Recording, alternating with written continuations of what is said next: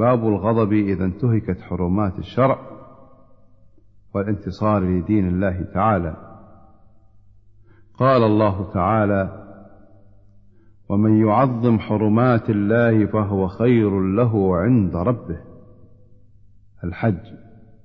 وقال تعالى إن تنصروا الله ينصركم ويثبت اقدامكم محمد. وفي الباب حديث عائشة السابق في باب العفو. وعن أبي مسعود عقبة بن عمرو البدري رضي الله عنه قال جاء رجل إلى النبي صلى الله عليه وسلم فقال إني لأتأخر عن صلاة الصبح من أجل فلان مما يطيل بنا. فما رأيت النبي صلى الله عليه وسلم غضب في موعظة قط أشد مما غضب يومئذ. فقال يا أيها الناس إن منكم منفرين. فأيكم أما الناس فليوجز فإن من ورائه الكبير والصغير وذا الحاجة. متفق عليه. وعن عائشة رضي الله عنها قالت قدم رسول الله صلى الله عليه وسلم من سفر وقد سترت سهوة لي بقرام فيه تماثيل. فلما رآه رسول الله صلى الله عليه وسلم هتكه وتلون وجهه وقال يا عائشة أشد الناس عذابا عند الله يوم القيامة الذين يضاهون بخلق الله. متفق عليه.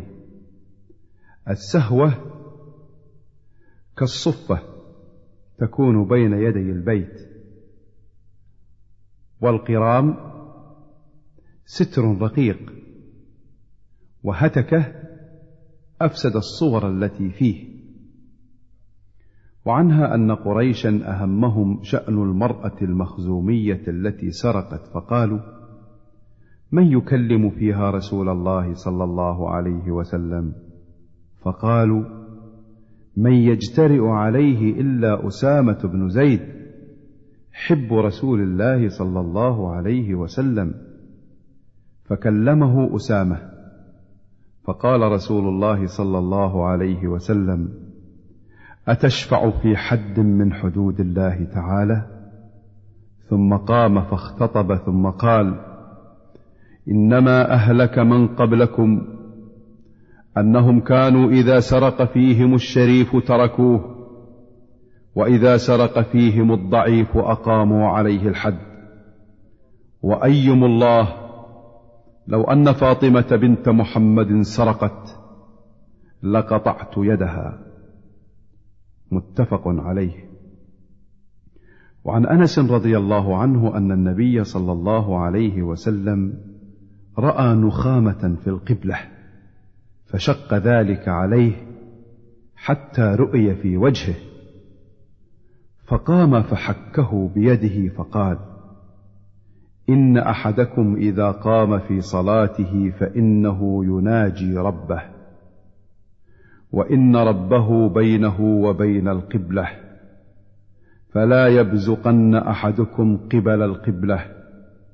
ولكن عن يساره أو تحت قدمه.